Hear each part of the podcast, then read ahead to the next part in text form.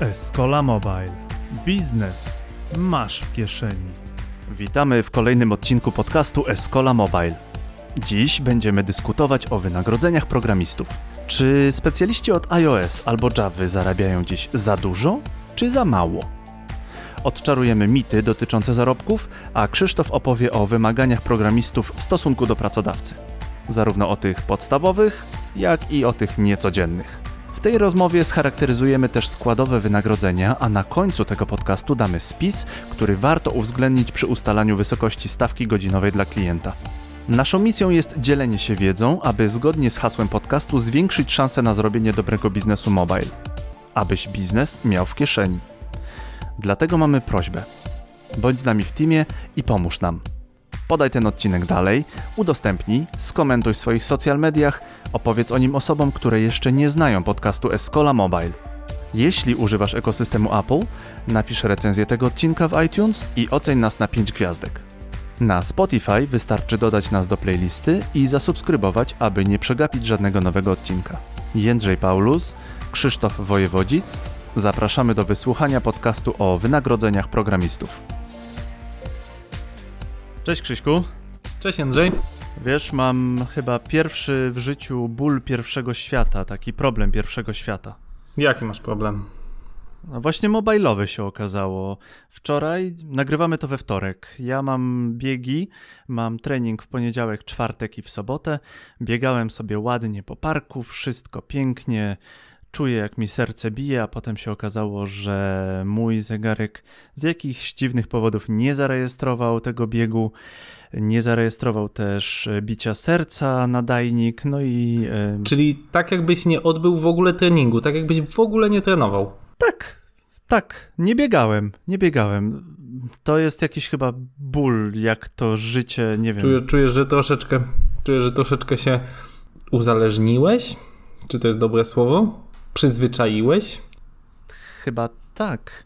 Przyzwyczaiłem. Minimum nie zauważyłem momentu, jak ten mobile wszedł w moje życie tak, tak mocno. Y, ty używasz bardzo dużo mobile, używasz chyba go więcej nawet niż ja, no z racji tego, że jesteś y, szefem software house'u, a ja jestem użytkownikiem, który ma jakieś, jakieś tam pojęcie o biznesie. Ja powiem, że no wczoraj poczułem, może to jest problem pierwszego świata, ale poczułem, jak ten mobile wszedł w moje życie, nieoczekiwanie wszedł w moje życie i jak wyrobiła się rutyna, bo ja poniedziałek, czwartek, sobota synchronizuję zegarek Bluetoothem z telefonem, telefon z e, zewnętrzną aplikacją, a potem sobie siedzę i patrzę, gdzie mi biło serce mocniej albo gdzie szybciej przebiegłem ostatnie, szybciej niż ostatnie trzy miesiące. Nie wiem, coś takiego. No na pewno biło najlepiej przy żonie. Ale o cyfrowym dobrostanie może porozmawiajmy innym razem. Dzisiaj porozmawiajmy mhm. o innym problemie pierwszego świata. O programistach. Tak, takim problemie, który jest y, dla mnie dużym mm, wyzwaniem. A mianowicie jak. Bo dajesz kasę, bo dajesz pieniądze. Ja, ja ci coś powiem. My mamy oddział w Warszawie i w Gdańsku. Na co dzień jestem mhm. w Warszawie. I do Gdańska jeżdżę około raz na miesiąc, żeby porozmawiać z zespołem, czasem się pointegrować. Zazwyczaj zamawiamy sobie jakieś pizze i no i rozmawiamy. Jest to okazja też na wymianę, na feedback, co zrobić lepiej w firmie, jakie są ich bolączki. No i niestety zawsze mhm. jest to też okazja do jakichś rozmów. Jak zrobić, żeby programiści czuli się lepiej, też w sensie finansowym. Tak się zastanawiam, że chyba muszę rzadziej przyjeżdżać do tego Gdańska, do naszego oddziału, to może nie będzie kiedy o tym rozmawiać. Dosyć łopatologiczne podejście. No, ale opowiem ci pewną historię, dobrze? Słucham cię. O programiście? Tak. To pozwól mi, że ja się tutaj jeszcze wypowiem sekundę. Jak dla mnie to się mówi, że programiści zarabiają duże pieniądze.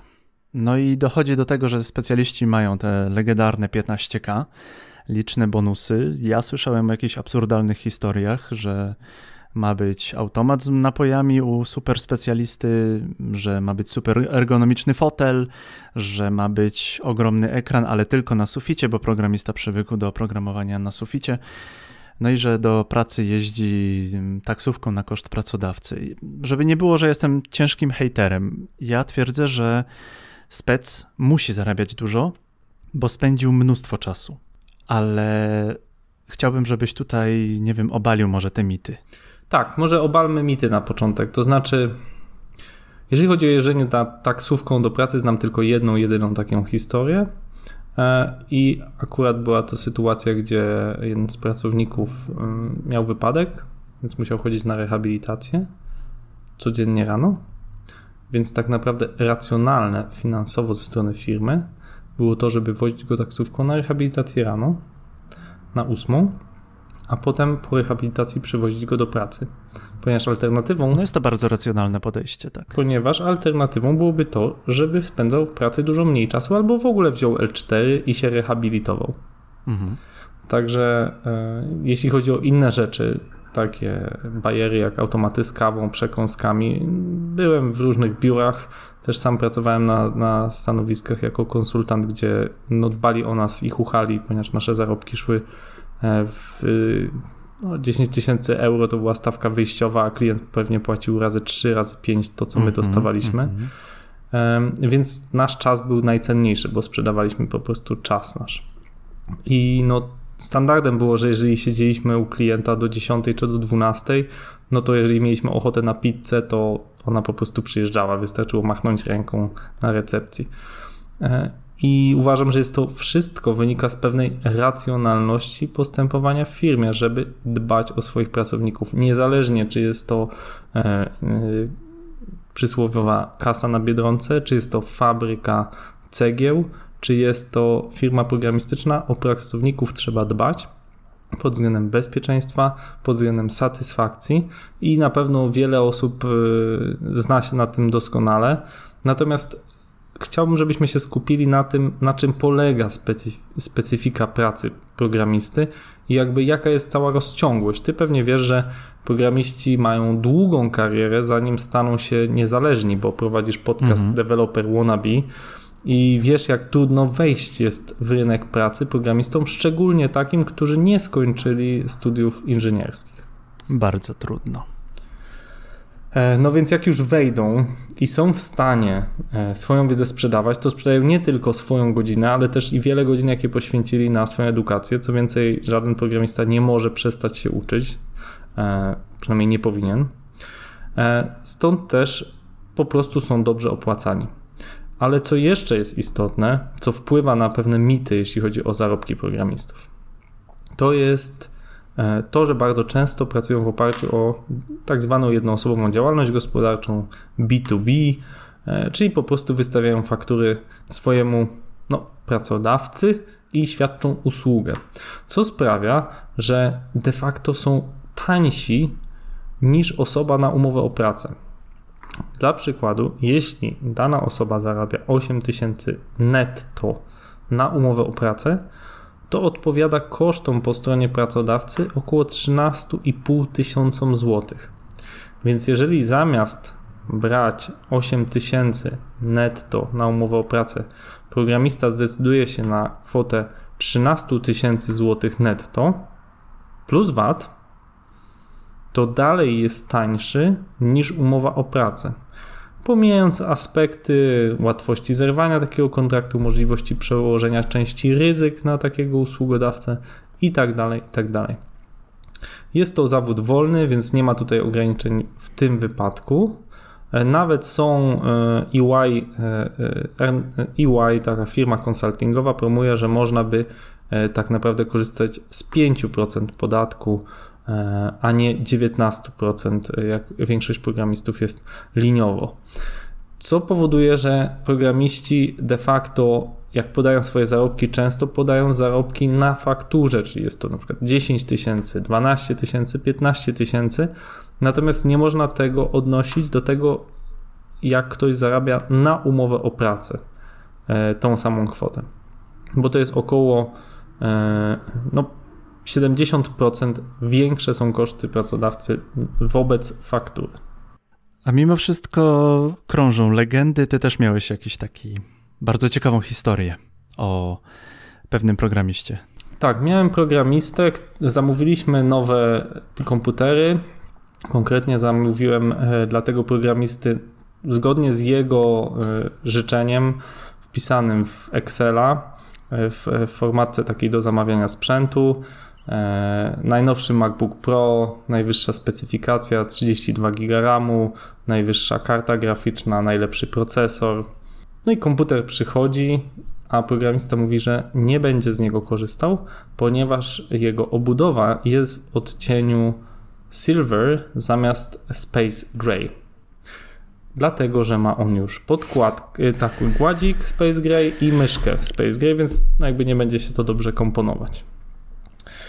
E, no więc co było? No, kwestia była, żeby albo wymienić, albo przekonywać programistę e, do, do tego, że najważniejsza jest ta specyfikacja. No, ostatecznie sprawa się jakoś, jakoś wyjaśniła. Wyjaśniliśmy sobie tą sprawę, aczkolwiek muszę przyznać, że miałem przez dwa tygodnie bardzo napięte stosunki z moimi e, e, pracownikami. No, ponieważ wywiązała się duża dyskusja, czy miał prawo tego się domagać, czy nie ale jest to sytuacja powiedzmy jednorazowa i w pewien sposób zrozumiała. Pamiętajmy, że natura pracy programisty jest zupełnie inna niż moja praca. Ponieważ moja praca głównie polega na spotkaniach, na krótkich czynnościach, na odpowiadaniu na maile, na przygotowywaniu ofert. Natomiast programista pracuje na zadaniach i właściwie nie ma takiej sytuacji, żeby programista mógł zrobić 82 zadania jednego dnia. Tak jak ja mogę odpowiedzieć na 82 maile, zrobić kilkadziesiąt malutkich zadań. Programista musi skupić się na wejść w jakiś temat, rozkminić go przysłowiowo i przeanalizować. Więc właściwie my jako Escola dążymy teraz do w cudzysłowie sprzedawania nie godzin programistów, ale dniówek, ponieważ tak naprawdę jeśli chcemy jakiś projekt realizować, musimy poświęcić na to pół dnia, dzień, a bardzo często dłużej, żeby przegryźć się przez coś, rozwiązać jakiś problem. Pamiętajmy, że nie jest możliwe po prostu przeskakiwanie co chwilę z zadań i jak przychodzimy do programisty co chwilę z przysłowiową pierdołą, to jego wydajność nie będzie wysoka. Ja zauważyłem, że właśnie jest różnica między taką pracą odrywaną, z bardzo dużą zmiennością, a taką pracą, która autentycznie wymaga skupienia, która często sygnalizowana jest założeniem słuchawek na, uszy i, na uszy i powiedzeniem ja teraz jestem skupiony. No ma to pewien sens. E, Silver czy tam Space Gray. No, powiem, że kiedy usłyszałem o tym, ten, ten, kiedy usłyszałem ten przykład, to, to się trochę za głowę złapałem. E, to jest chyba empatia bardzo potrzebna tutaj, żeby zrozumieć tego programistę. Jako programista INSPE trochę rozumiem, bo fajnie się też pracuje na fajnym komputerze, który, nie wiem, może bym jeszcze miał tutaj walor estetyczny. Może to rozumiem. Tym niemniej było to dosyć kontrowersyjne co się stało w Twojej firmie. Porozmawiajmy o tym, jaka jest rzeczywistość, to znaczy, jakie są dane. Tak, ja bym chciał się spytać, czy masz jakieś dane na temat średniego wynagrodzenia programisty? No tak, właśnie często podajemy jakieś ekstremalne dane, ale zapominamy, że jest bardzo długi ogon tych programistów młodych albo programistów, którzy w jakiejś firmie są bardzo długi czas i nie zarabiają tak dużo pieniędzy, albo nie są na tyle przebojowi, żeby poprosić o podwyżkę, albo pracodawca nie umie ich w jakiś sposób docenić. Średnie zarobki programisty w Polsce na, za 2018 rok według Sedlak Sedlak to 6,5 tysiąca brutto. To jest około 4,5 tysiąca netto. Także mówienie tutaj o jakichś bajeńskich sumach typu właśnie 15 tysięcy, 20 tysięcy netto wynika głównie z tego, że właśnie programiści wystawiają faktury. Bo pamiętajmy, że 6,5 tysiąca brutto z kosztami pracodawcy to około 8 tysięcy, czyli to już mówimy o zupełnie, a tylko 4,5 tysiąca z tego zobaczy programista na, na rękę netto. Eee, ja mogę powiedzieć, że z, z, z, z tego co widziałem w swojej historii, kierując różnymi firmami, największe pieniądze, jakie widziałem, żeby programista brał za swoją pracę, to 30 tysięcy netto. E, więc to jest najwyższa suma, z jaką ja osobiście się spotkałem. Spotkałem się też z różnymi programistami, którzy wykonują wiele różnych prac, czy to jako freelancerzy, czy też w jakiś sposób starają się połączyć dwie prace zdalnie i w ten sposób mogą sumować swoje wynagrodzenia do 20-20 kilku tysięcy złotych. Więc oczywiście ta górna granica pewnie może być bardzo wysoka. Zdarzają się pewnie programiści, którzy mają wysoką stawkę za godzinę, typu 100 zł, 150 zł. Natomiast, e, tak jak mówię, pamiętajmy, że większość programistów, którzy mają jedno, dwu, trzyletnie doświadczenie, ich wynagrodzenia oscylują w okolicach średniej krajowej, czy powiedzmy do półtorakrotności średniej krajowej. Także sytuacja jest bardzo, bardzo zróżnicowana. Wiesz, ty mówisz o 6,5 tysiącach brutto, ja mam wrażenie, że to są deklaracje, bo jak, jak ja patrzę na Just Join IT czy na No Fluff Jobs, to ja widzę, że najwięcej pieniędzy najwięcej pieniędzy zarabia się w mobilu, nieco mniej zarabia się jako DevOps, jako backend. Mówię, mówię tutaj o seniorze, tam powiedzmy, nie wiem, 12 tysięcy na rękę. Ten rozstrzał zdumiewa, bo z jednej strony są seniorzy, którzy zarabiają ponaście tysięcy i juniorzy, którzy mają stawki opiewające na 2000 czy tam 3000 złotych netto. Opowiedz mi o składowych, bo mm, no ja po prostu bym chciał to wiedzieć. Znaczy ja może powiem... Dlaczego ja, ja, takie są stawki? Ja może powiem skąd wynika ten rozstrzał. Rozstrzał wynika z tego, że jeśli dałbym ci zadanie, żeby przekształcić dla mnie pewne operacje w Excelu, to jeżeli jesteś mistrzem mhm. od Excela, to zrobisz je w 5 minut. Natomiast jeśli tak. nie znasz się na Excelu kompletnie i będziesz robił to na piechotę przysłowiowo, a będzie w tej bazie tysiąc rekordów, to będziesz to robił dwa tygodnie. To, co inny zrobi w 5 tak. minut. Więc op- Jeszcze narobię błędów. Więc opłaca się zapłacić więcej. I z programowaniem jest bardzo podobnie. Jeśli płacimy komuś, kto jest naprawdę seniorem, prze- nauczył się na swoich błędach, pracując w teamie nauczył się na błędach innych, prawdopodobnie jego kod będzie czysty i e, nie będzie wymagał wielu poprawek, jak i rozwiąże pewne problemy, których e, młody programista w ogóle nie byłby w stanie rozwiązać. My akurat w Escoli mhm. nie zatrudniamy właściwie żadnych juniorów, a jeśli zgłaszają się oni do nas i widzimy akurat w danym juniorze potencjał, to zawsze proponujemy bezpłatny staż na 2-3 miesiące, ponieważ taka osoba musi udowodnić, że jest warta naszej inwestycji, jeśli robimy głównie projekty bankowe, e, czy jakieś projekty bardzo złożonych technologii, no to nie ma możliwości, żeby jakikolwiek junior dłumał, dłubał samodzielnie przy takim kodzie. Musi mieć opiekuna, a więc tak naprawdę to my inwestujemy w daną osobę. E, oczywiście zależy to od charakteru pracy, bo pewnie firmy, które robią strony na WordPressie, nie ma wielkiego tutaj problemu, żeby wdrożyć taką E, młodą osobę w tego typu pracę. Także stąd ten rozstrzał jest i uważam, że jest on całkowicie e, uzasadniony i z praktyki potwierdzam, że niechętnie zatrudniamy juniorów, a jeśli ich zatrudniamy, to za bardzo niewielkie pieniądze. No to w takim razie trzeba takiego programistę zrekrutować. Masz jakiś fajny projekt, trzeba go zrekrutować. Jaka to jest składowa? Ceny za godzinę? No, przyjmijmy, że średnio programista pracuje w danej firmie, ponieważ rotacja jest, pracuje dwa lata, ale to zależy też od charakteru pracy, bo jeśli e, pracuje, bardzo zależy danej osobie na rozwoju w różnych technologiach, a ta firma tego nie zapewnia, to będzie to jeszcze krótszy czas.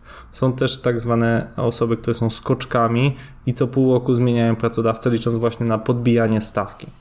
Takie jest moje doświadczenie, jeśli chodzi o e, rekrutacje zewnętrzne przez różne firmy, że one wrzucają osobę, e, dają gwarancję, że ta osoba zostanie co najmniej pół roku, bo tak jest rozłożone fee, czyli wynagrodzenie tej firmy, która rekrutuje tą osobę, po czym szuka tej osobie nowej pracy, ponieważ już rozliczyła się za, za, za zrekrutowanie tej osoby i właśnie poleca ją do nowych firm.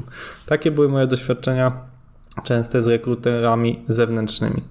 Druga opcja, jeśli mamy odpowiednią skalę, to mieć swojego rekrutera, który będzie pisał na LinkedInie, który będzie namawiał na targach czy przy innych okazjach do dołączenia do danej firmy. Wreszcie można wstawiać y, ogłoszenia o pracę, przy czym pracuj.pl czy jakieś opcje inne E, takich ogólnych ogłoszeń o pracę są kompletnie nieefektywne z mojego doświadczenia, jak i drogie. Ja osobiście korzystam albo z NoFluff Jobs, albo Just Join IT, zazwyczaj obu. E, I faktycznie są to efektywne narzędzia do znalezienia programistów, chyba we wszystkich rekrutacjach miałem co najmniej dwie, trzy sensowne osoby, a zdarzyła mi się rekrutacja akurat na programistę .NET i to w Warszawie, gdzie miałem chyba z 40 e, zgłoszeń. Także wszystko zależy od tego, jak dobierzemy technologię, jak dobierzemy widełki, no i też jakie są mm, bonusy, które dajemy e, programistom, e, pracownikom za to, że dołączają do naszej firmy, czy to jest opieka zdrowotna, karta sportowa, jakieś takie wszystkie dodatki w rodzaju szkoleń, za które płaci firma i tak dalej, i tak dalej. Ja osobiście uważam, że te rzeczy nie są kluczowe. E, kluczowa jest atmosfera w firmie, kluczowa jest właśnie e, ta energia, która się wytwarza wewnątrz zespołu. Natomiast no też o to pytają programiści. My jako spółka akcyjna mamy taką możliwość, że w naszych ogłoszeniach proponujemy też pakiet akcji dla naszych najbardziej lojalnych i najlepszych pracowników, co myślę, że jest dosyć unikatowe. Mhm. Udział w dywidendzie? Fajna rzecz. No, akcje, a docelowo właśnie udział w dywidendzie, tak. E, I no, trzeba też pamiętać, że mówimy o rekrutacji. Rekrutacja to jest pozyskanie pracownika, ale jest jeszcze onboarding, czyli trzeba tego programistę wdrożyć w projekty, pokazać narzędzia, pokazać w jaki sposób my pracujemy, dać się poznać z zespołem. Rzadko bywa tak, że ktoś przyjdzie i drugiego dnia y, będzie siedział przy komputerze, będzie wszystko wiedział co i jak. Mm, będzie musiał zapoznać się z dokumentacją danego projektu i tak dalej, i tak dalej. Także uważam, że mimo, że praca w projektach informatycznych jest dość dobrze sklasyfikowana, dość klarowna, to i tak uważam, że trzeba uwzględnić koszty rekrutacji, które średnio liczymy jako jedna do trzech pensji, jak i koszty wdrożenia, które też określiłbym no na co najmniej pół pensji, a może całą pensję. No i masz takiego wdrożonego programistę. Taki wdrożony programista to sprzedaje swój czas, swoje umiejętności. Czas. Czas to jest chyba jedna z najnowszych walut. No wiemy, że czas to pieniądz, ale ostatnio odczuwamy chyba coraz większą wartość tego czasu. Jak to jest u Ciebie? No, czas jest y, walutą nietransferowalną, bo jeśli dzisiaj straciłeś pieniądze, bo akurat masz bitcoiny, a w ostatnich dniach bitcoin bardzo spada, y, zresztą tak jak i złoto, no to jesteś w stanie to odzyskać za chwilę. Natomiast czasu, który mhm. straciłeś, w żaden sposób już nie odzyskasz.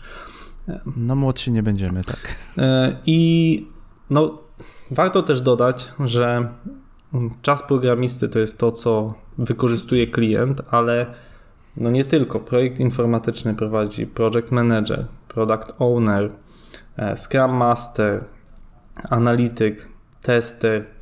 Standardowo, tak jak e, my wyceniamy w Escoli, no to 10% to jest za e, dodatek do czasu programisty, to jest czas project managera czy product ownera, Scrum Mastera, czyli ta cała obsługa związana z prowadzeniem projektu i pracą z zespołem, 10% to jest e, testowanie i 10% to jest przygotowanie całej dokumentacji projektu.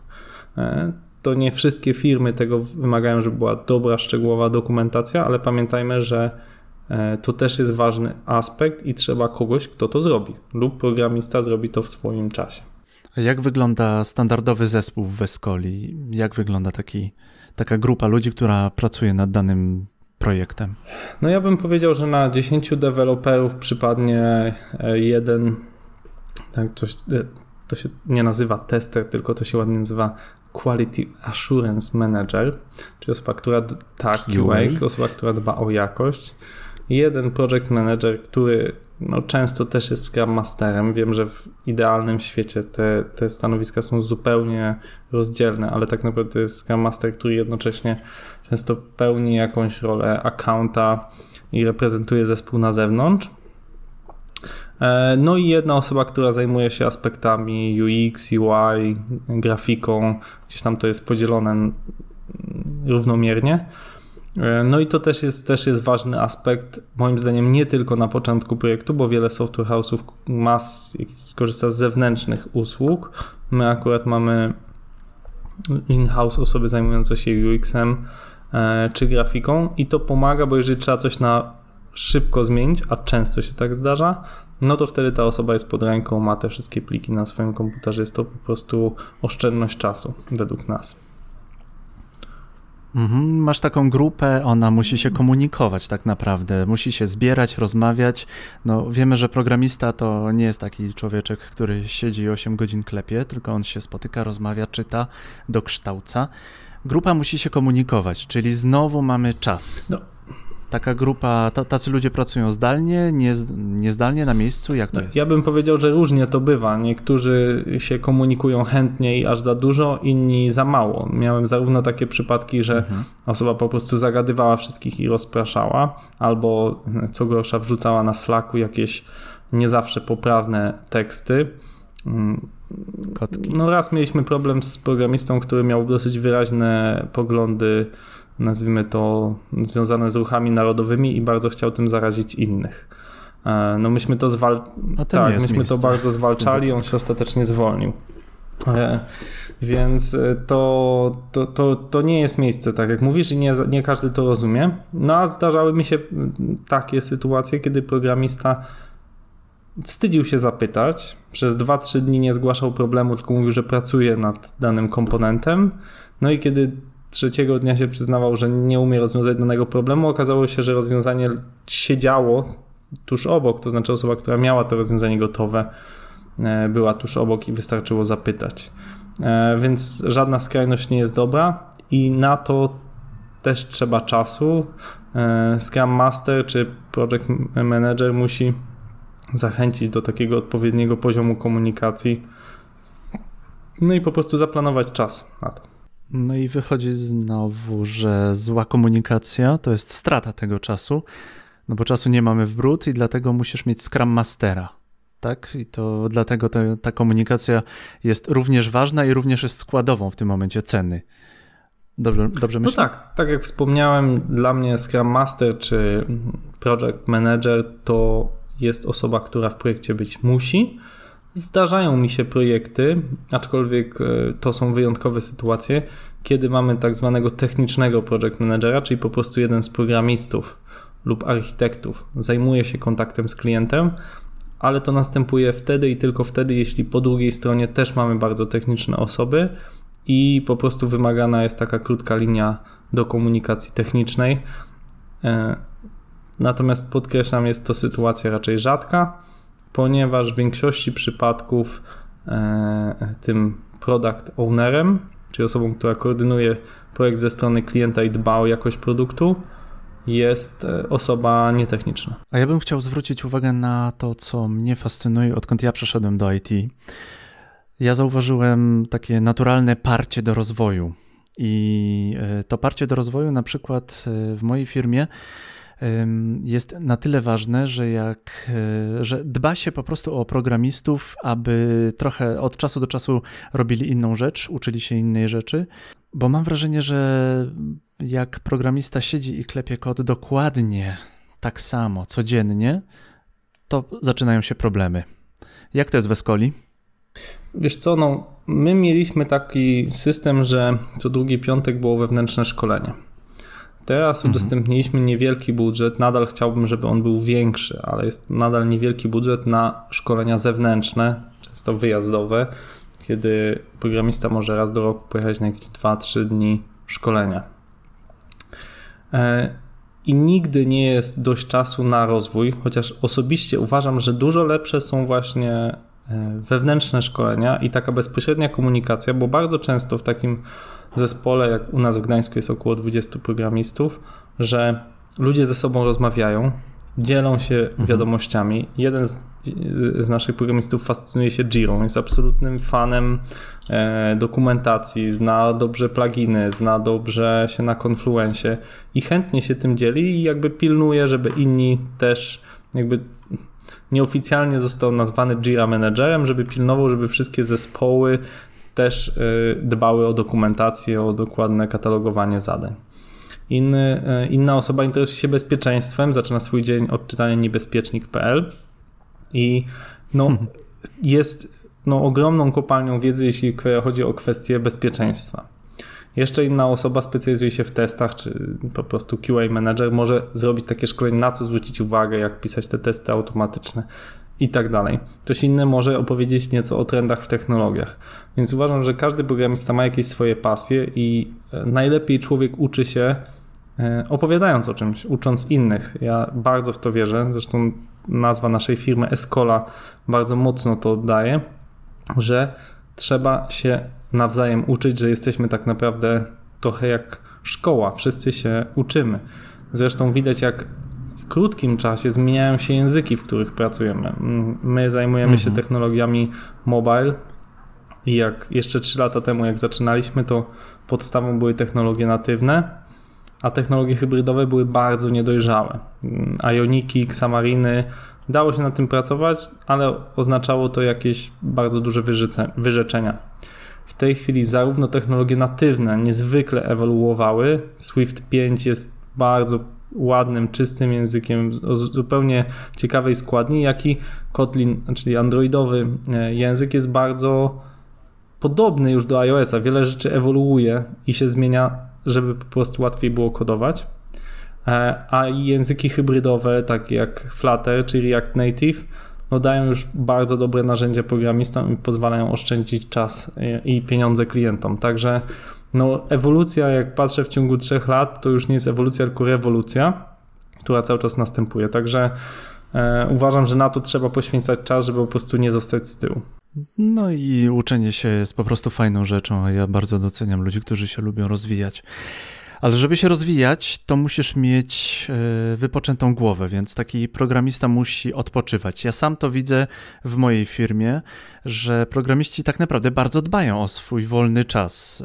E, oni chcą być zdrowi, oni chcą iść na urlop Mało tego, chcą tego urlopu odpowiednio, chcą ten urlop odpowiednio wykorzystać. Pewnie.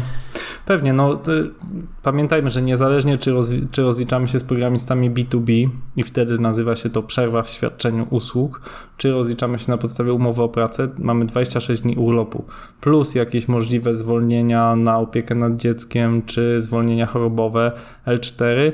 26 dni to jest ponad 10% e, czasu, jaki pracujemy, zwolnienia chorobowe, przyjmując nawet, że jest to i inne zwolnienia okolicznościowe, przyjmując, że to jest 10-12 e, dni, mamy 15%, które musimy doliczyć do godziny programisty, którą e, za którą potem zapłaci docelowo klient, czy jest to klient wewnętrzny, bo zatrudnia programistów.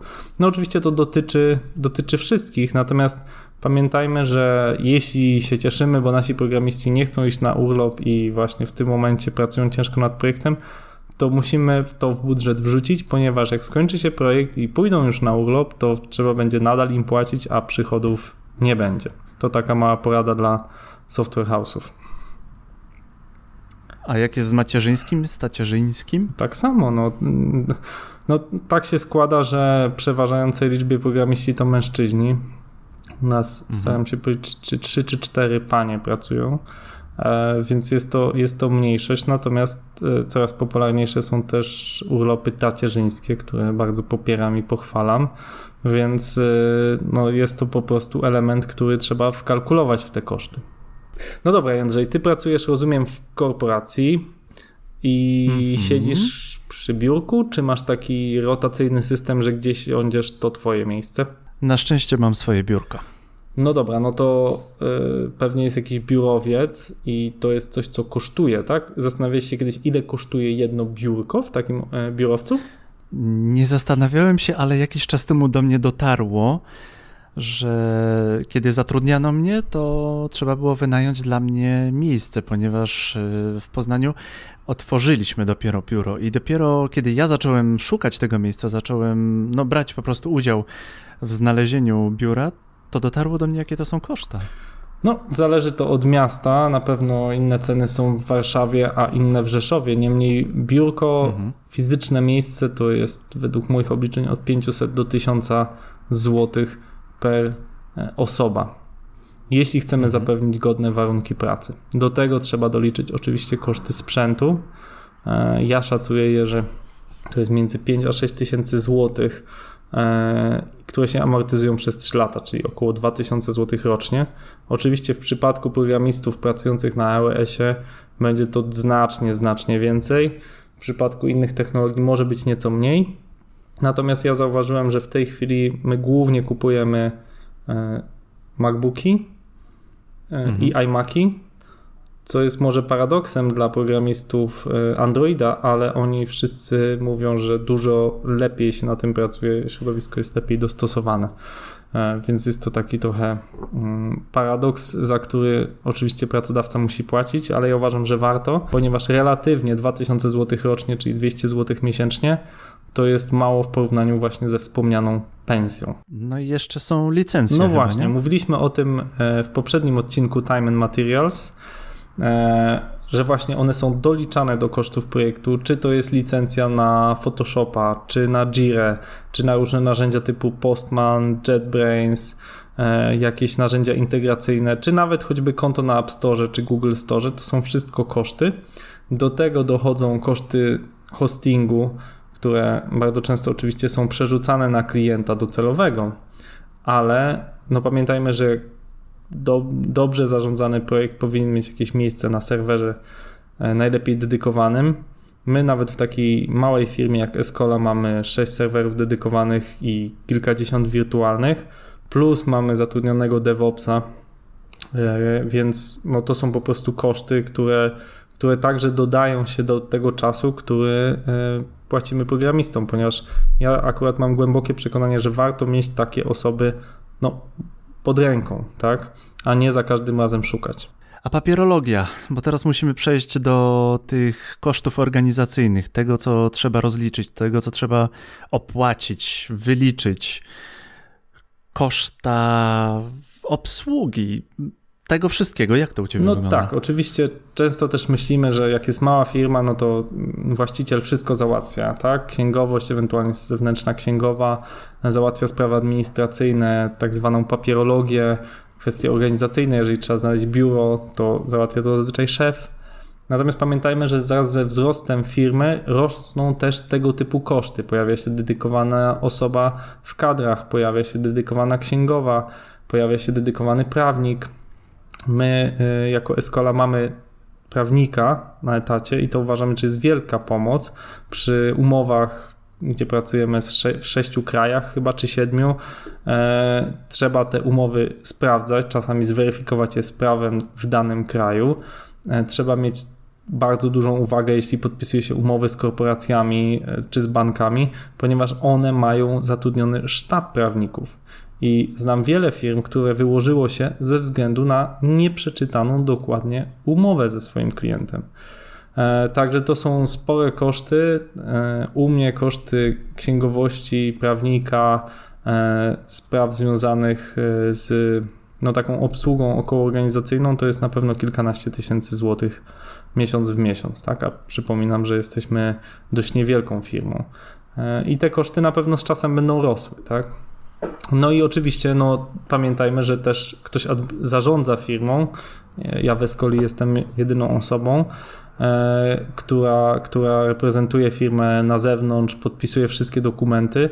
No i ta osoba też powinna mieć wynagrodzenie, które pozwala na jakieś tam nie, nie zastanawianiu się nad jakimiś dodatkowymi pracami, tylko właściciel powinien w moim przekonaniu pobierać jakąś pensję. Oczywiście głównie ona oparta jest o, w moim wypadku, o wiarę we wzrost biznesu, E, mogę zdradzić, że e, Rada Nadzorcza zadecydowała, że limitem mojego wynagrodzenia będzie 5000 zł miesięcznie, e, nie więcej niż 60 mhm. tysięcy rocznie.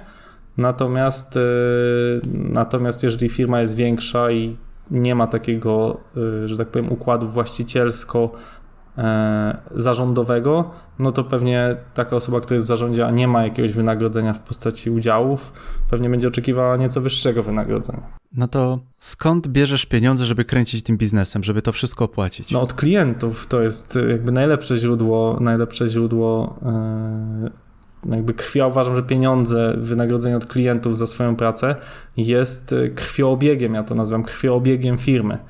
E, jak pozyskiwać klientów to jest historia na osobny podcast.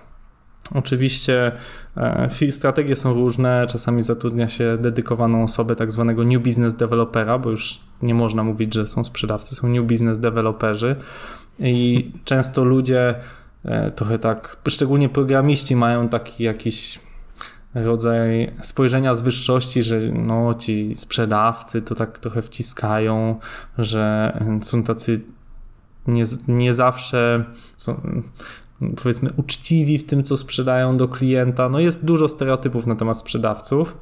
Natomiast trzeba pamiętać, że dzięki sprzedawcom w ogóle firmy istnieją, bo jeżeli nie masz sprzedaży, to nawet jak masz super produkt, czy masz super usługę, no to daleko nie zajedziesz. Oczywiście nie musi to być sprzedawca fizyczny, może to być bardzo dobrze zestrojony automat, może to być cold mailing, może to być pozyskiwanie poprzez e, relacje osobiste klientów, jakieś artykuły eksperckie, reklama, czy możesz wystarać się o dofinansowanie.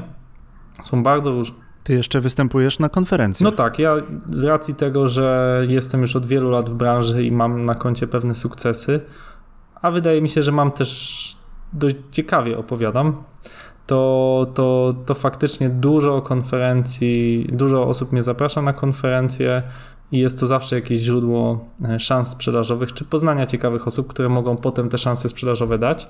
A jeszcze dodałbym, że najlepszym ambasadorem akurat w przypadku Escoli są nasi akcjonariusze, którzy no nie tylko pozyskują kontrakty, ale też e, jakby dają nam rady na to, z kim się spotkać i tak dalej. Także, także uważam, że strategia sprzedażowa jest dla każdego inna, natomiast to też jest część kosztu. Dobra, Krzyśku, opowiedzieliśmy o składowych, które wpływają na cenę. Jakbyśmy mieli tak podsumować, ile procent zajmuje każda z tych składowych? Zacznijmy od rekrutacji i wdrożenia programisty.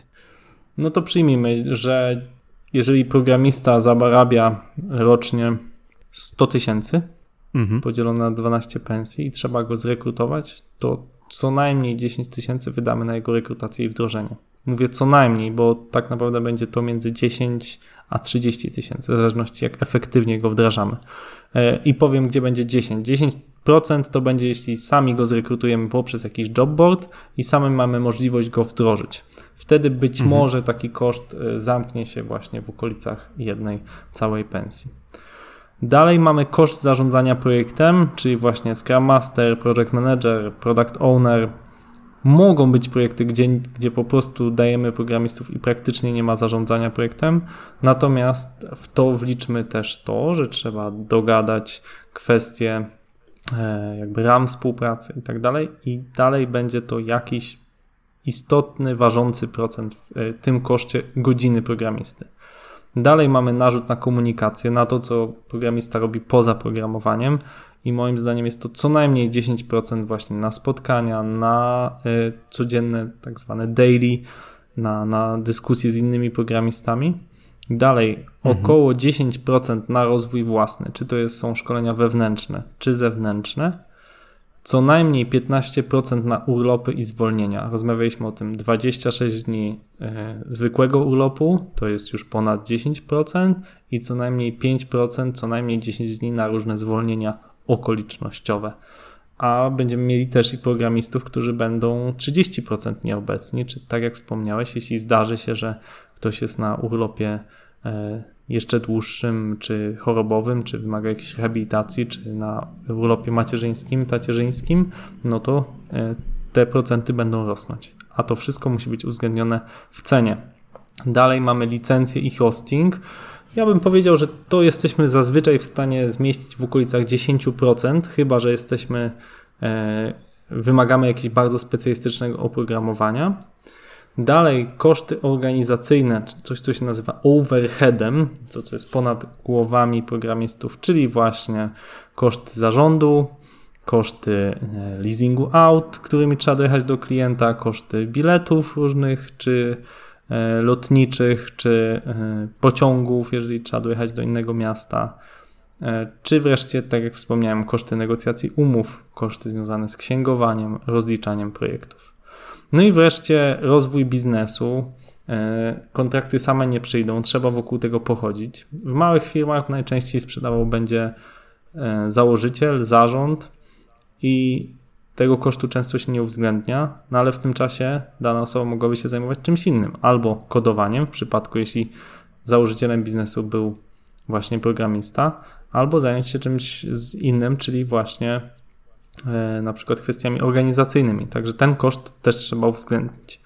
Czyli łącznie nam się to sumuje no, do co najmniej 90% narzutu na każdą godzinę programisty. Czyli jeśli przyjmijmy, programista wystawia fakturę na 8000 zł, czyli dla 160-godzinnego miesiąca pracy to jest 50 zł za godzinę, trzeba doliczyć mhm. drugie tyle, żeby na dodatkowe koszty, które ponosi firma. Czyli jeżeli programista wystawia nam fakturę na 8000 lub e, zarabia 4,5 tysiąca złotych na umowę o pracę, wtedy umowa, wtedy taka umowa będzie kosztowała nas 50 zł za godzinę i dodając wszystkie te składniki, które tu wyliczyliśmy, de facto powinniśmy obciążyć klienta, czy też klient powinien zapłacić co najmniej 100 zł za godzinę. Oczywiście. Stąd się bierze to sto kilkadziesiąt złotych za godzinę. Dokładnie, tak? a mówimy po pierwsze o nie tak dużym koszcie, bo przypomnę, mówimy 4,5 tysiąca złotych na umowę o pracę netto albo 8 tysięcy na fakturę. Powiedziałbym, że to są raczej dolne widełki e, specjalisty. Po drugie, mówimy tu o tym, że firma nie zarabia jeszcze na tych 100 złotych. Nic nie zarabia. No a przecież jest sporo kosztów, których tutaj nie mamy uwzględnionych. Na przykład to, że programiści w danym miesiącu część z nich może nic nie robić, czyli nie przynoszą żadnych pieniędzy. Może się okazać, że mhm. siedzą na tak zwanej ławce i czekają na kolejny projekt. Może się zdarzyć, że chcieliśmy właśnie doprowadzić do startu projektu, ale w ostatniej chwili coś się nie udało i ponosimy tutaj koszty tej słynnej ławeczki. Może się zdarzyć też, że y, jakiś projekt nie doszacowaliśmy, czyli okazało się, że jednak nie doliczyliśmy kosztów. No i znów firma będzie ponosić straty. Dlatego musi być budowana jakaś górka, jakieś dodatkowe pieniądze z tego zysku na innych projektach, żeby po prostu firma mogła się rozwijać. W tym momencie, jak omówiliśmy te składowe godziny, to wychodzi, że wcale nie jest tak różowo z jednej strony, że te sto kilkadziesiąt złotych osławione, to wcale nie jest tak, że sto kilkadziesiąt złotych idzie do, po prostu do kieszeni bo z tego się oddaje ogromną ilość. I jeśli wziąć prawnika, który wystawia jakąś tam fakturę za godzinę pracy na 100 euro, 200 euro, czy lekarza, który bierze 100 czy 150 zł za 10-15 minut swojej pracy, za wizytę, no to wcale 100, 110 zł czy 120 zł nie jest taką ogromną kwotą za godzinę pracy programisty. Takie mam wrażenie. Dokładnie, no także pamiętajmy, że jeśli negocjujemy bardzo mocno koszty pracy, musimy uwzględniać te wszystkie koszty, które są kosztami dodatkowymi, które poniesiemy niezależnie, czy weźmiemy zewnętrzną firmę, czy będziemy to robić wewnątrz. Bardzo Wam dziękujemy za Wasz czas i za to, że poświęciliście go na słuchanie tego podcastu. Lajkujcie, udostępnijcie, opowiedzcie o tym podcaście swoim znajomym. Być może ktoś gdzieś ma jakiś super pomysł na mobile, być może ktoś gdzieś szuka informacji o tym, jak się robi biznes mobile. Dlatego Escola Mobile pomoże Wam zrobić ten biznes, biznes, który macie w kieszeni. Lajkujcie, udostępnijcie. Jak się nie zgadzacie, dajcie nam znać. Bardzo będziemy wdzięczni też za feedback. Może chcecie wystąpić w takim podcaście? Bardzo chętnie Was też posłuchamy. To na razie tyle. Krzysztof Wojewodzic, CEO Escola Mobile, Jędrzej Paulus, podcaster IT. Wszystkiego dobrego i do usłyszenia. Cześć. Cześć. Escola Mobile. Biznes masz w kieszeni. Dziękujemy za Twój czas. Podobał Ci się odcinek? Daj nam znać udostępnij go w social mediach, podaj link dalej, opowiedz o podcaście swoim znajomym przedsiębiorcom. Jeśli używasz Spotify, możesz dodać nasz podcast do swojej playlisty, aby nie przegapić nowych odcinków. Użytkownicy systemu Apple, prośba do Was. Recenzja, subskrypcja i 5 gwiazdek to nie zajmuje dużo czasu, a jest dla nas bardzo pomocne. Im więcej recenzji i gwiazdek, tym wyżej znajdujemy się na liście i to właśnie dzięki Wam możemy dotrzeć do nowych osób zainteresowanych biznesem mobile. Krzysztof Wojewodzic, Jędrzej Paulus. Dziękujemy za Twój czas. Do usłyszenia w następnym odcinku podcastu Escola Mobile.